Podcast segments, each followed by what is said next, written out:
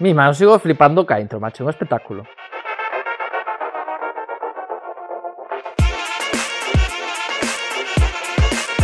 Bueno, Juan, que tal esta semana por Albania? Moi ben, moi ben, como sempre. Unha delicia. Pasachelo ben? Sí, sí, paseno moi ben. Anda que fixo bastante fresco, pero bueno. Bueno, comerías burek, non? Só un, pero prestou crindiola. Sí, de que era? A ver, danos, danos envexa. De cabaciño con queixo feta. É feito da casa, eh? non era da, da panadería. Bueno, bueno. Logo era un burek deluxe. Era con ración extra de amor.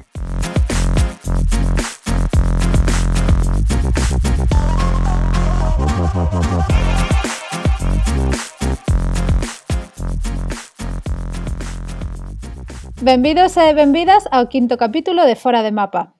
Hoxe voltamos á nosa península favorita, a península balcánica, para gravar un episodio algo especial. Imos falar dun estado que existe, Montenegro, que ás veces estivo nos mapas e outras veces non. Sí, e de feito, a estrutura vai ser un pouco diferente neste, neste capítulo. É un pouquichiño máis longo do normal, porque temos un convidado de luxo, a Miguel Roán, politólogo, escritor e, sobre todo, estudoso dos Balcáns. Así que, despois dunha breve introducción histórica de Montenegro, ocuparemos a meirande parte do podcast a falar con el. Aínda que sexa un Estado feito de dereito, isto non quita que teña importantes problemas identitarios e que non sexa fácil de definir o que conforma a identidade montenegrina. Segundo o censo de 2003, 278.000 cidadáns declaráronse montenegrinos. Iso supón máis ou menos un 45% da poboación. E 178.000 declarábanse serbios, máis ou menos un 28%. Despois tamén existen minorías étnicas como albaneses no leste ou bosniacos no norte. Pois a verdade, Juan, é que falar de Montenegro dame, por un lado, alegría, porque me encantan os Balcáns, como a ti e como a maioría dos nosos ouvintes, pero por outro, un pouco de nostalgia, porque Montenegro era unha das etapas da viaxe que tiñamos eh, previsto facer o pasado verán coa nosa querida amiga Lucía. Sí, queridísima amiga Lucía, me canto extrañamos. Extrañámola moito, sí, extrañamos eh, esas nosas viaxes. Sí, bueno, que non pudemos facer por culpa do COVID, pero tamén porque somos xente responsable.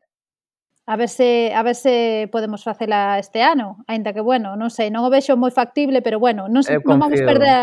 Sí, non. Eu confío en AstraZeneca, en Pfizer, en Sputnik, no que faga falta.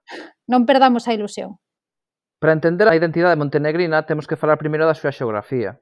Montenegro, xa como o nome indica, está cheo de montes. É unha zona bastante complicada na que os clans familiares levan séculos tendo unha importante relevancia e na que, por tanto, non é fácil lograr a lealdade de todos eles e impoñer autoridade desde un núcleo central. Por outra banda, ten unha costa desde a que certas potencias trataron de influir no interior do país, como fixo Venecia durante a Idade Moderna.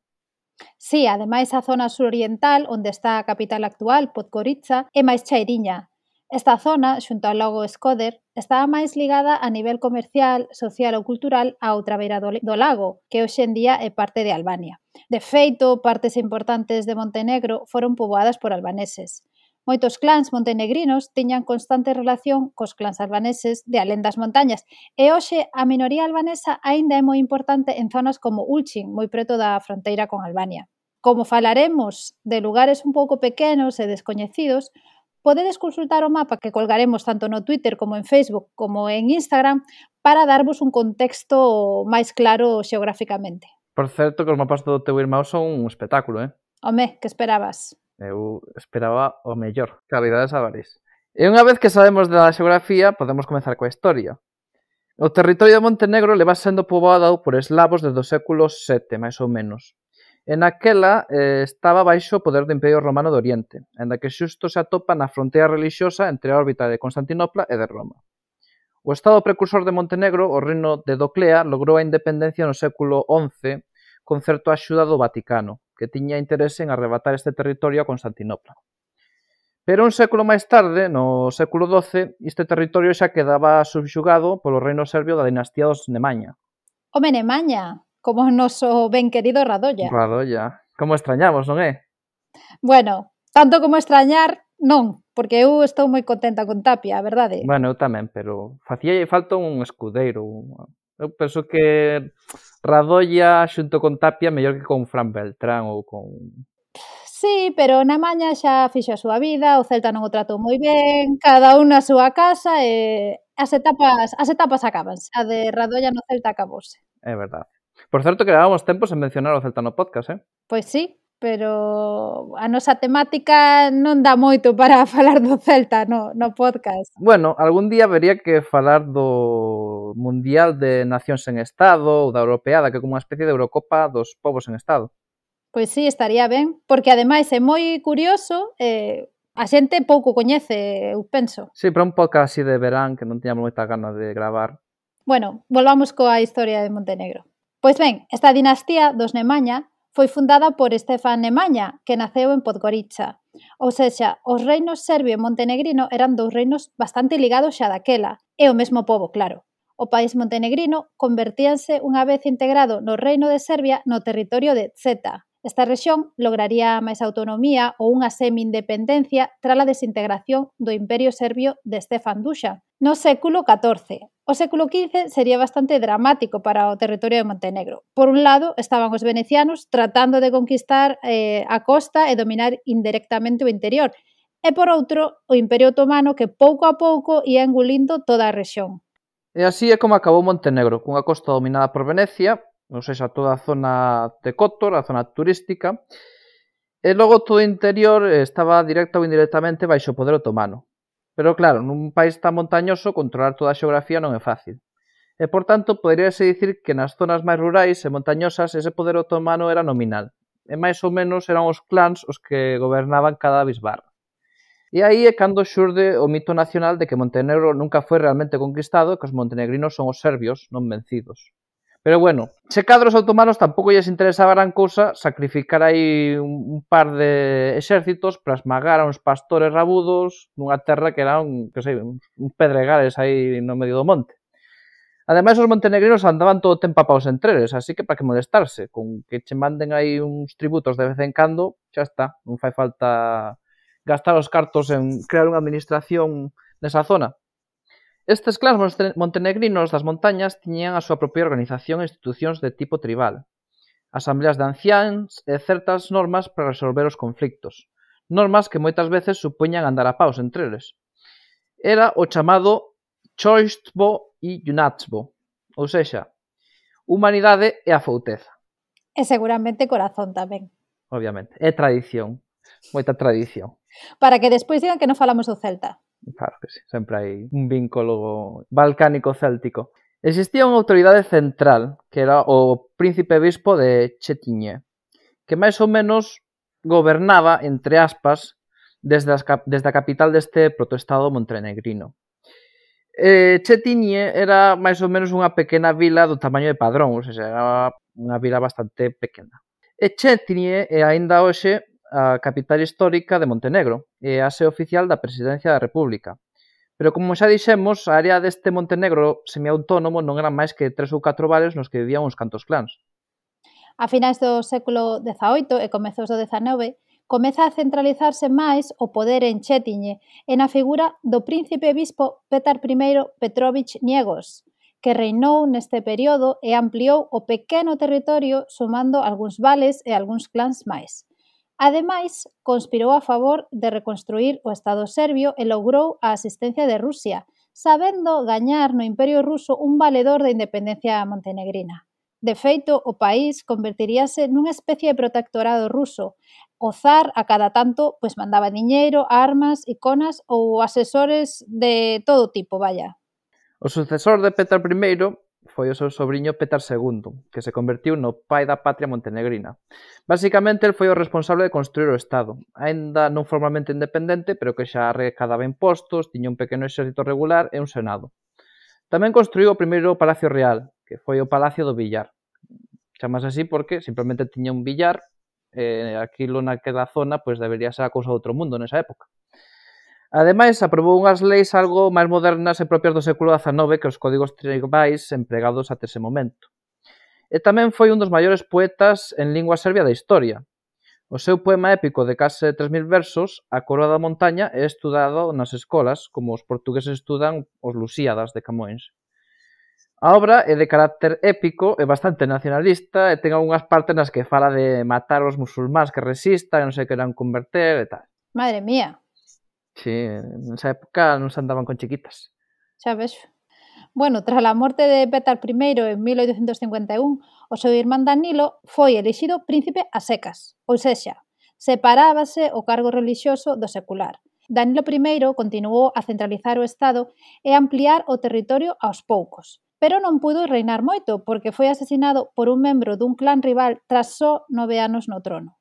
Este foi herdado polo seu sobrinho, un rapaciño de 19 anos chamado Nicola I, que se convertiu nunha celebridade da época porque andaba de xiras por media Europa, visitando París, San Petersburgo, Viena, Berlín e basicamente buscando o apoio das grandes potencias para lograr un recoñecemento da soberanía montenegrina, unha independencia que se consumaría tras unha guerra victoriosa co Imperio Otomano entre o 1876 e o 1878. Nesa contenda Montenegro aproveitou que o Imperio Otomano estaba a ser atacado polo Imperio Ruso no Cáucaso no Danubio para dominar parte da costa montenegrina e a chaira na que está a capital contemporánea, Podgorica, que, por certo, esta capital naquela altura está poboada por unha maioría de albaneses. Tras a paz asinada polas potencias, estas recoñeceron a independencia de Montenegro e estas pequenas conquistas e aí é cando podemos falar realmente dun Estado montenegrino independente con todas as da lei. E o comezo do século XX foi extraordinario para Montenegro. A pesar de ser un reino ben pequeno, a familia real tiña bastante prestixio e estaba ben emparentada tanto con Rusia, o seu maior protector, como con Serbia e Italia.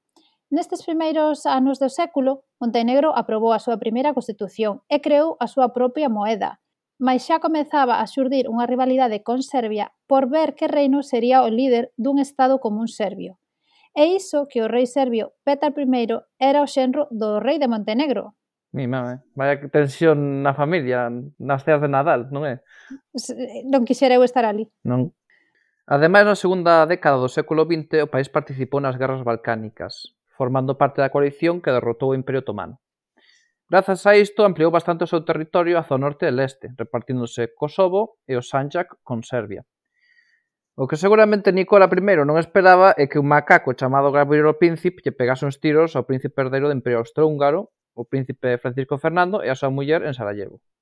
E sobre todo, tampouco esperaba que este asesinato acabase derivando nun conflito sen precedentes que deixou a rei Nicola no exilio e o territorio ocupado polas tropas austrohúngaras e nos últimos meses da Primeira Guerra Mundial comezou a madurar entre os eslavos dos Balcáns a idea dun Estado conxunto para estes territorios poboados por serbios, eslovenos, croatas e bosníacos. Idea na que os líderes montenegrinos non puideron influir moito, xa que boa parte deles estaban no exilio en Francia. Por outra banda, o maior valedor de Montenegro, o Imperio Ruso, desaparecera e agora o que había era un Estado soviético tentando impoñer a súa autoridade nun país anárquico. Ademais, o exército e estruturas de poder montenegrinas foran desmanteladas polos imperios ocupantes, e cando estes abandonaron a zona, o territorio foi ocupado polo exército serbio, que fora evacuado á illa de Corfú. Así, co reino exilio, co prestixio polo chan por fuxir, sen valedores internacionais, coas estruturas de poder nacionais desmanteladas e co exército dos seus amiguitos serbios ocupando o país, Montenegro deixou de existir. E iso a pesar de ser un dos estados vencedores da guerra e membro da coalición aliada. Ninguna potencia fixo gran cousa por defender a soberanía montenegrina, que é algo un pouco bastante flipante. As potencias, pois, conviñalles ter un estado yugoslavo forte para lograr un equilibrio de poder na rexión balcánica, e así por eso non fixeron gran cousa por defender a soberanía do orgulloso estado montenegrino. Por tanto, o reino de Serbia simplemente aproveitou o vacío de poder e a perda de prestixio do rei Nicola I para organizar unha asamblea nacional que ratificase depresa a anexión por parte do reino de Serbia e que posteriormente se convertiría no reino dos serbios, croatas e eslovenos. Houbo certos clans que rexeitaron esta anexión e trataron de resistir, pero esta resistencia foi rapidamente esmagada tanto polas forzas serbias como por aquelas montenegrinas que apoiaban a integración en Serbia. E así desapareceu un orgulloso estado da historia, cando menos por unhas décadas. É certo que despois Montenegro rexurdiría como República Federada de Yugoslavia coas fronteiras actuais e tería mesmo estatus que Eslovenia ou Croacia, pero non recuperaría a súa soberanía completa até 2006. Como comentábamos ao inicio do episodio, hoxe temos con nós a Miguel Roán, politólogo, divulgador e, sobre todo, estudoso e apaixoado dos Balcáns. É autor de Anatomía Serbia, Homofobia nos Balcanes, Maratón Balcánico e Balcanismos, este último publicado no 2020. É editor da revista de estudos balcánicos Balcania e cofundador da plataforma Balcanismos. E ademais viviu en Belgrado 12 anos. Hola Miguel, benvido a Fora de Mapa e moitísimas grazas por estar connosco. Graciñas. Eh, yo voy a ejercer de, de madrileiro, de nacido en Vigo pero criado en, en Madrid y nada, un placer la, la invitación y nada, disfrutar de estos momentos con vosotros que también sois buenos apasionados de la región. Antes de entrar eh, con Montenegro de cheo, De onde che ven esta curiosidade polos Balcáns? Uh, ha habido como muchas fases. Yo creo que la, la, primera es porque mi generación se vio muy impactada por las guerras de secesión de Yugoslavia y, y todo lo que aconteció después. Y luego, con el paso de tiempo, pues desarrolla otros intereses. Yo creo que al final todo se, se resume en las contradicciones eh, entre imperios, eh, ideologías, religiones, estética, eh, todos los procesos políticos ¿no? que ha habido en la región en los últimos años, ese estado actual a veces de, de incertidumbre, de indefinición geopolítica y luego pues mi identificación con una nueva generación balcánica post-yugoslava, también Albania, Bulgaria, etcétera, que, que bueno, que intenta salir adelante en unas circunstancias pues, más complicadas de las que pude vivir yo, ¿no? O sea, que todo eso forma un cóctel de, de intereses con los que me identifico y luego, pues, que, creo que tiene un, una fuente in, inagotable, ¿no? De, de contenido cultural eh, en todas las artes, ¿no? Que vale mucho la pena, pues, eh, investigar. Sí, coincidimos totalmente. Eh, entramos xa de cheo na, na entrevista Pregúntache sobre Montenegro e como logrou a independencia no 2006 despois dun referéndum no que gañou sí por un 55,5 de votos, que foi era prácticamente o mínimo. -huh. eh, cales foron as causas que levaron á independencia de Montenegro? Bueno, son muchas. La verdad es que depende de dónde te sitúes, ¿no? Yo creo que hay un, hay un fundamento institucional que forma parte de la creación de la República Socialista de Montenegro después de la Segunda Guerra Mundial, que otorgaba pues, carta de naturaleza, ¿no? documento de identidad, etcétera, un, a, a, los montenegrinos, ¿no? como una nación constituyente dentro de, de Yugoslavia. Luego, pues Montenegro pues, eh, sufrió el proceso de, de fragmentación de, de, Yugoslavia en unas eh, circunstancias pues, muy, muy particulares. ¿no? En primer lugar, porque eh, históricamente ha estado vinculado a, al pueblo serbio, a, a la religión ortodoxa, a, digamos, a ese lado oriental de, de, de Yugoslavia y eh, pues es un proceso que sobre todo pues, eh, en una primera fase pues, eh, está vinculado a la, línea política de Slobodan Milosevic, sobre todo a partir de las revoluciones antiburocráticas en 1988. Y eh, en una primera fase, pues los montenegrinos están eh, vinculados un poco al nacionalismo serbio, pero eh, después de la guerra de Bosnia, eh, Herzegovina, de los acuerdos de Dayton y de que Slobodan Milosevic empieza a perder peso político, deja de ser, digamos, un garante de la estabilidad en Bosnia-Herzegovina y pierde peso político también en, en, la propia Serbia, ¿no? pierde las elecciones locales contra la oposición en, en 1996, pues ahí se produce una ruptura en, en ese eje eh, montenegrino eh, pro Slobodan Milosevic entre una facción que continúa esa lealtad, pero luego hay otra dentro del Partido Democrático de los Socialistas de Montenegro, eh, liderada por Milo Djukanovic, que crea un, una nueva orientación política pro-occidental, pro-Unión Europea, pro-OTAN, que lleva gradualmente a lo que es la, la independencia de, de, Montenegro, la celebración de un referéndum, como habéis dicho, en, en 2006, que gana, digamos, el lado, el lado independentista. Lo que pasa es que también hay que tener en cuenta que, que Montenegro, durante la época yugoslava y luego durante, dentro, de, dentro de la Yugoslavia federal y luego, luego dentro de Serbia y, Montenegro, era una entidad que prácticamente tenía todas las eh, competencias ¿no? en temas ejecutivos, legislativos y judiciales, es decir, excepto lo que es el control, digamos, de las fronteras, el espacio aéreo, etcétera, era una entidad eh, políticamente autónoma. Entonces, tampoco fue muy difícil utilizar las instituciones para promover esa agenda nacional de, para lograr la independencia de Montenegro. Como foron as negociacións coa comunidade internacional e con Serbia antes do referéndum? Bueno, como contaba, eh, eran, eran delicadas. Eran delicadas por dos razones. en primero, a nivel internacional, porque hay dos tipos de conflictos, o los conflictos de la región se pueden ver desde, dos prismas. Un prisma, como implosivo, es decir, hay conflictos que quedan solamente en el ámbito de los Balcanes, que suelen ser, digamos, ese espacio que es Bosnia-Herzegovina y Serbia, pero hay otro tipo de conflictos que es, fácilmente se contagian fuera de la región, como son un posible conflicto en Montenegro, eh, un conflicto en Albania, en Macedonia del Norte, es decir, pueden extenderse a, Grecia, a Turquía, y aquí ya entramos en una dinámica como mucho más eh, amplia, ¿no? geoestratégica. Entonces, lograr la independencia era un tema delicado porque la sociedad montenegrina está conformada por varios grupos y por tensiones étnicas eh, relevantes. Montenegro es vecina de Kosovo, por ejemplo, donde como sabéis, pues hubo una guerra en 1998-99 y esta división que se produce dentro de, la política montenegrina se produce en el año, en año 1997, es decir, un, año antes. Entonces, eh, todo lo que implica grandes cambios políticos ¿no? en, esa zona de, de los Balcanes tiene una implicación en temas de seguridad muy importante para la Unión Europea. Entonces, para la Unión Europea era importante que, digamos, esa independencia se legitimara a nivel social, ¿no? que una, una corresponsabilidad de clase política y de la, y de la sociedad.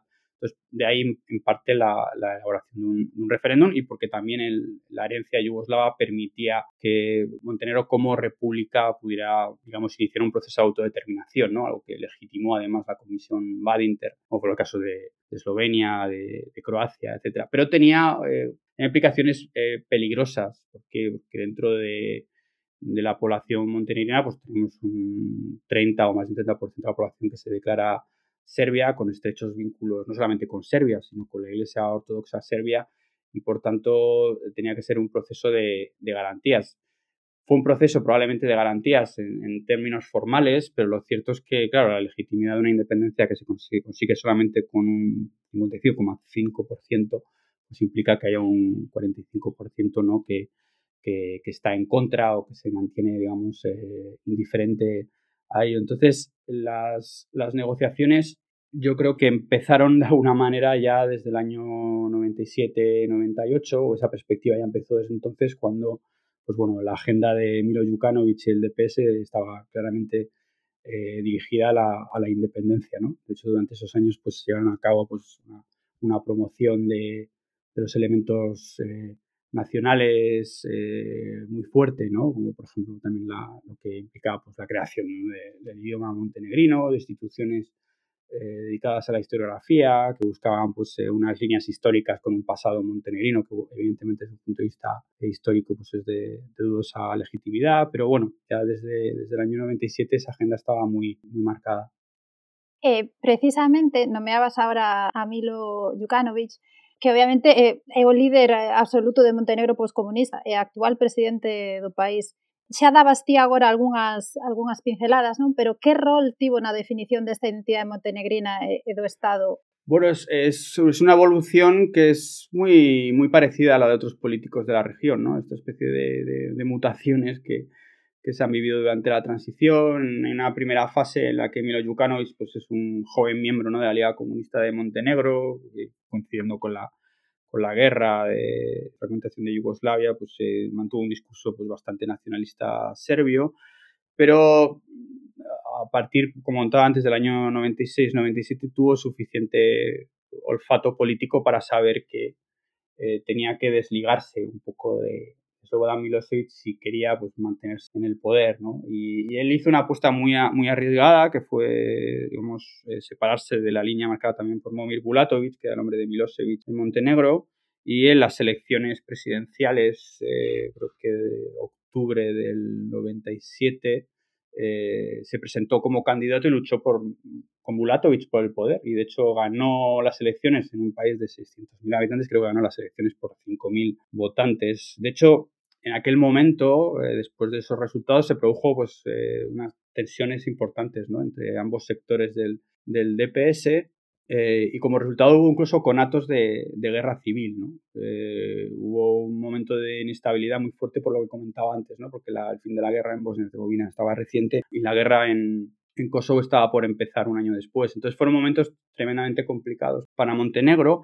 Y luego lo que él hizo, luego ya, bueno, consolidó su poder en las siguientes elecciones, un año después, en el 98, en mayo. Y él lo que hizo fue vincular la construcción del, proyecto estatal montenegrino a una, al nacionalismo montenegrino. Es decir, eh, a pesar de que una parte importante de la sociedad montenegrina pues, se declaran eh, serbios, él lo que hizo fue, digamos, vincular la nación montenegrina a su partido político, de tal manera que todo aquel que estuviera en contra de su partido político eh, podía considerarse como anti-montenegrino o ser un, un traidor. ¿no? Esto, esto rompía un poco con una historia de, convivencia multiétnica eh, en Montenegro que es eh, histórica. ¿no? no hay que entenderlo en términos de una tolerancia de izquierdas, ¿no? como se entiende muchas veces en España, sino hay que verlo desde el ámbito de un mecanismo de convivencia entre los cuales la identidad nacional no se utilizaba de forma confrontativa, sino simplemente para delimitar eh, las comunidades. Y luego al final todo el mundo se encontraba en el, en el mercado, como quien dice, para, para negociar. Entonces él, él, igual de alguna manera que hizo Tito vinculando Yugoslavia al socialismo, eh, Milo Jukanovic apostó por vincular ¿no? Eh, a nación a su propio partido político. Al principio esto fue exitoso porque, digamos, los grupos étnicos como eran bosniacos o albaneses que estaban en contra de Milosevic o de Momir Bulatovic se, se adhirieron a él porque él, digamos, representaba una apuesta anti-Serbia o anti-Milosevic lo que pasa es que con el desarrollo de los años, eh, claro, el partido del DPS y su propia política se ha mostrado bastante autoritaria, de tal manera que parte de esa sociedad civil eh, montenegrina se mostró en su contra y también pues, eh, los grupos étnicos, ¿no? no solamente pues, aquellos que tengan un sentimiento de servitud más enraizado, sino también albaneses, bosniacos, etcétera. claro, él lo ha intentado de diversas maneras, ¿no? Un primer paso, evidentemente, es la construcción de un Estado montenegrino con sus instituciones, con sus academias montenegrinas. Luego, el siguiente proceso, pues la construcción de una lengua montenegrina, que realmente no, pues, no estaba estandarizada. Y de hecho, partía del año 2017, en el que ya, digamos que ya se, se declina esa posibilidad ¿no? de desvincularse completamente de, de las otras lenguas policéntricas, ¿no? del serbo-croata, croata-serbio, bosnio, etcétera. Y en el último paso, pues con la, con la religión, ¿no? Pulando pues, la nación montenegrina a una iglesia ortodoxa montenegrina pues, eh, separada o diferenciada de la Iglesia Ortodoxa serbia. Entonces él ha habido esta mutación con dos apuestas muy arriesgadas. La primera pues le salió bien, que fue la del año 1997, y la segunda, la del año 2019 o 2020, que es la ley de libertad religiosa, pues eh, no la salió tan bien y, si bien sigue siendo presidente, pues ya no es, digamos, el, que manda más en el, Parlamento. De hecho, ahora mencionabas o, problema entre Iglesia montenegrina y a Serbia queríamos que nos explicase un pouco como foi este conflicto e o impacto que tivo tanto a nivel político e como esta situación tivo un impacto na victoria da, da posición a Jukanovic. Bueno, yo creo que hay una evolución. Tienes manifestaciones en, creo que era el 2009, 2012, 2015 fue bastante importante porque ya algunos parlamentarios pues ya se europeos se pusieron en contra de, de Jukanovic, incluso pues, la, la, sociedad civil prodemocrática montenegrina, etcétera, pues se unió fuerzas durante un periodo muy corto de tiempo con el Frente Democrático, estaba conformado sobre todo por un sentimiento pro, pro serbio. Y luego el 2019 con todos estos casos de, corrupción ¿no? que afectaron a entonces, hay una, digamos, desde un punto de vista democrático, aparte de todas estas acusaciones que hay, que se conocen a nivel internacional, que pesan sobre Milo Jukanovic a nivel de delitos de lavado de dinero, contrabando, etcétera, lo que ocurre a partir de, 2019 es que, claro, con la aprobación de, esta ley, se crea ya un conflicto ¿no? entre montenegrinos y, serbios, que no, no, se traduce en un conflicto étnico, porque probablemente el nacionalismo eh, serbio en, Montenegro, una de sus características es que se ha sabido canalizarse a través de las instituciones de los partidos políticos, ¿no? con lo que no es un nacionalismo subversivo que atente contra el Estado, sino que ha sabido, digamos, eh, integrarse y de hecho ha formado una coalición multipartidos, incluso con un partido liderado por, un albanés, por Dritana Vasovic. Y claro, aquí lo que él planteaba era pues, una ley básicamente en las que no se permitían comunidades religiosas que refirieran a otro Estado, con lo que evidentemente hay, hay un guiño directo a la Iglesia Ortodoxa Serbia. Eh, y luego lo, que se pretendía es que todas esas propiedades que no pudieran reconocerse antes del, del 1918, que es cuando termina el, reino de, Montenegro, pues fueran propiedad del Estado. Y se presumía que indirectamente lo que intentaba Jukanovic era adquirir todas esas propiedades de la Iglesia Ortodoxa Serbia y llevarlas a la Iglesia Ortodoxa Montenegrina. En realidad es una institución sin, sin gran tradición o sin ninguna tradición histórica. Aquí evidentemente hay dos tesis. Hay una tesis que que lo que plantea es que cuando se produjo el reino de Montenegro antes de, 1918, pues eso implica una autocefalía, que por tanto la Iglesia Ortodoxa de aquel momento era una Iglesia Ortodoxa montenegrina, lo cual es muy discutible, y hay otra que directamente lo que defiende pues, que la Iglesia Ortodoxa serbia pues, en Montenegro pues, tiene una continuidad histórica y que la Iglesia Ortodoxa montenegrina pues, es una institución que se creó en en 1993, quiero recordar, y que realmente es un, proyecto pues, eh, del Montenegro independiente y que no tiene que ver con legitimidades históricas, porque es que incluso yo creo, bajo mi punto de vista, creo que estos debates entre montenegrinos y serbios no existían a nivel histórico. ¿no? No es que existiera un vínculo nacional de, tipo nacional entre serbios y montenegrinos en los términos que entendemos ahora. ¿no? Tendemos muchas veces a analizar el pasado con las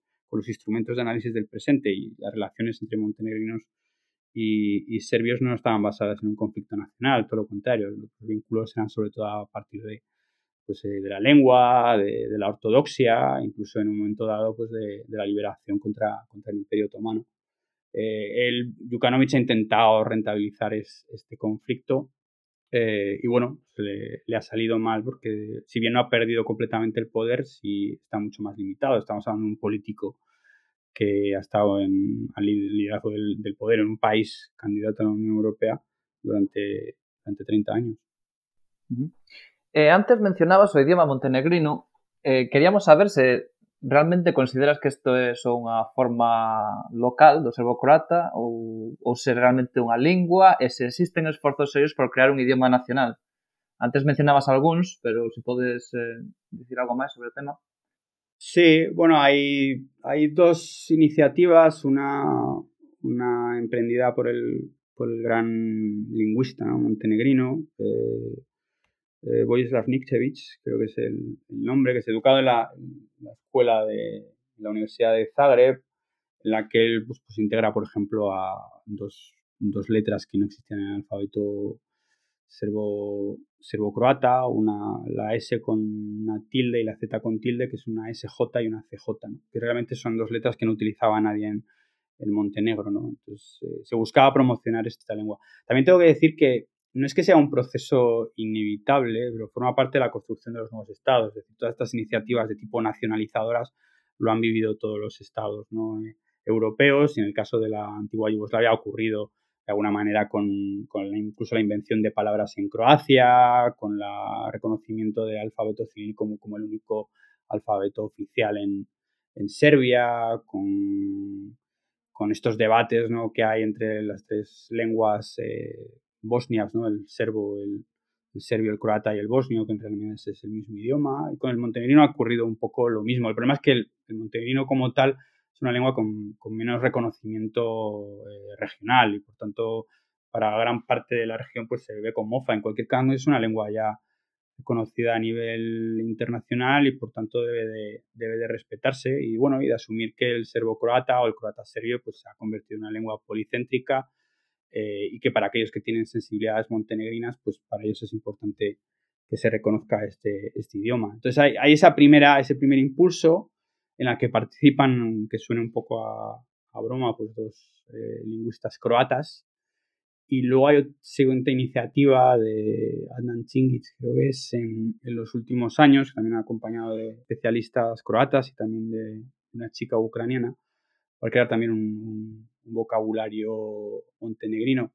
En cualquier caso, eh, aparte de lo que se reconozca formalmente, oficialmente, luego si analizas eh, la sociedad montenegrina, pues la mayoría, creo que es un 42, 43% declaran que hablan serbio, luego un 10% menos, 13% declaran que hablan montenegrino ya depende un poco con quién, con quién hables, ¿no? Yo evidentemente que, que trabajo puntualmente de, traductor literario nunca dejaría de, de, traducir un texto literario en montenegrino, aunque yo pues, eh, hablo, he aprendido la variante serbia y yo perfectamente puedo hablar con la variante Serbia en, Montenegro y me entenderán sin ningún problema, más allá de, localismos. De hecho, hay más diferencia entre el serbio y, el croata, tal como están estandarizados en la actualidad, entre el serbio y el, montenegrino.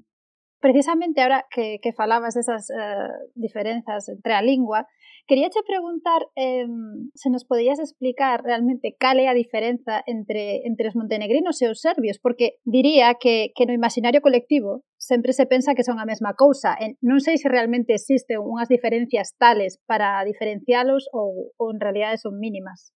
Bueno, yo creo que es, es una pregunta legítima y, obligada dadas las circunstancias y la situación en, en Montenegro, pero no tiene una respuesta única, ¿no? Es decir, el, ser montenegrino históricamente no ha significado realmente diferenciarse de los, de los serbios, ¿no? Es decir, hay, hay un elemento como de, autonomía, eh, sobre todo en Chetini, ¿no? como antigua capital histórica montenegrina, en la que se reafirma esa montenegritud como, como específica o, diferente de, de, la Serbia.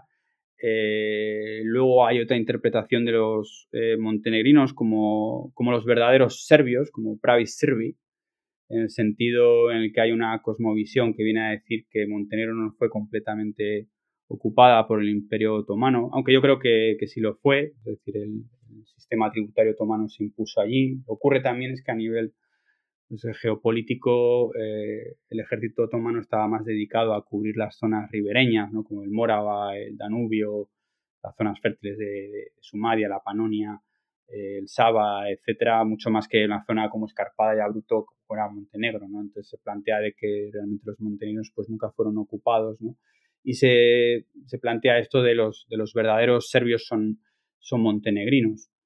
Luego también tienes otro sector que viene a decir que los montenegrinos en realidad eh, están conformados ¿no? por, por, todos los serbios que han ido perdiendo las diferentes batallas a lo largo de la historia, ¿no? como si fuera una, una imagen de, digamos, de ciudadanos de segunda dentro del espacio balcánico. Luego tienes durante la Segunda Guerra Mundial un proyecto de, de Estado montenegrino, eh, de alguna manera antiserbio, en, el sentido en el que se buscaba una diferenciación respecto a, Serbia, que al final terminó siendo administrado por Italia, que no tuvo más, más trayectoria, sobre todo por los herederos, los Zelenasi, ¿no? aquellos que, defendían un poco la, monarquía de los Petrovich-niegos, es decir, el, reino de, Montenegro como un reino autónomo respecto a Serbia, pero tampoco necesariamente antiserbio.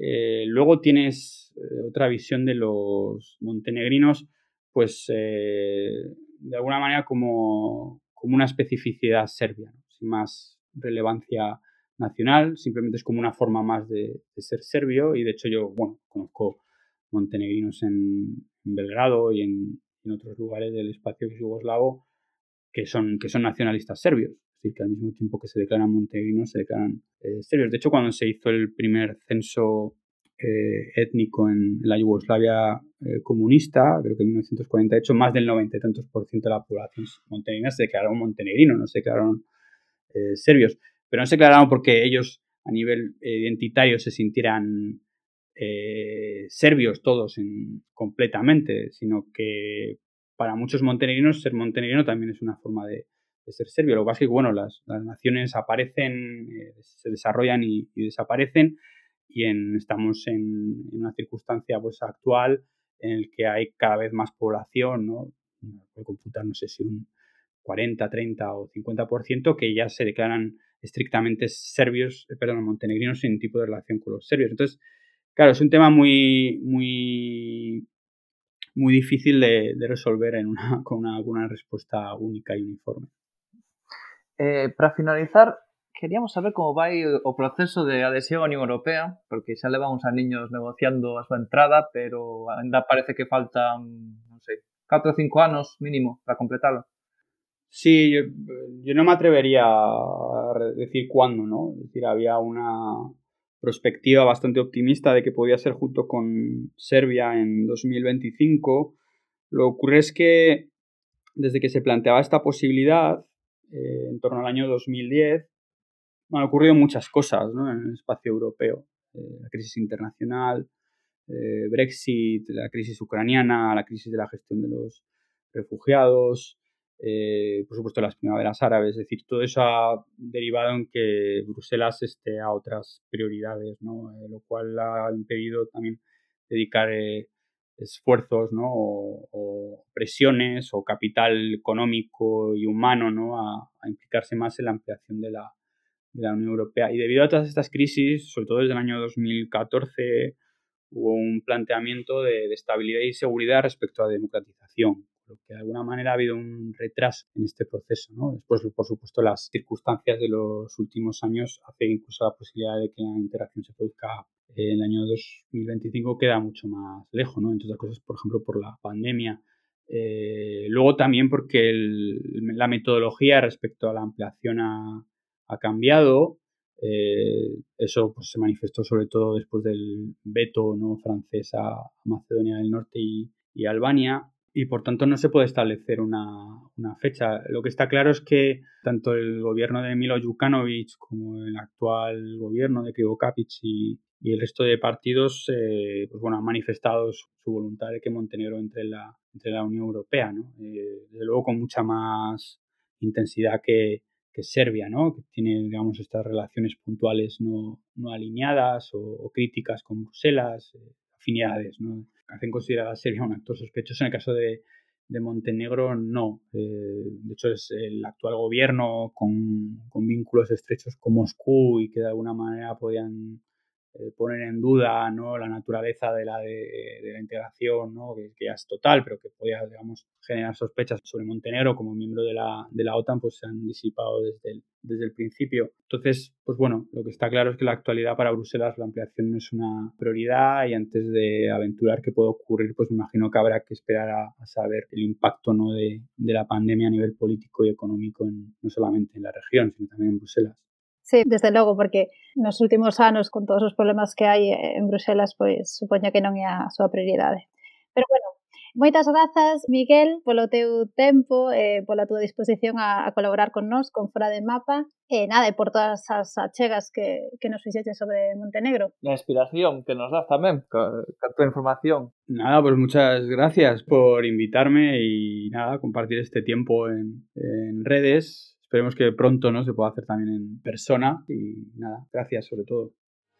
Tražim, mal sreća trag ne ostavlja Ko da je tvoju dušu drugo pisala Još volim te znaj u srcu Coas interesantes reflexións de Miguel Ruam, poñemos fin ao capítulo de hoxe e facémoslo escoitando a Sergei Chetkovich, que é unha especie de Sergio Dalma Montenegrino. A canción chamase Moyes Viet e para min, eh, para calquera persoa que teña algo de gusto musical, foi despois da de Conchita a mellor de Eurovisión de 2014. E para min foi a gañadora moral, aínda que quedou de sexta, pero tamén igual. A mellor foi esta. Para с тобом едино знам за любов.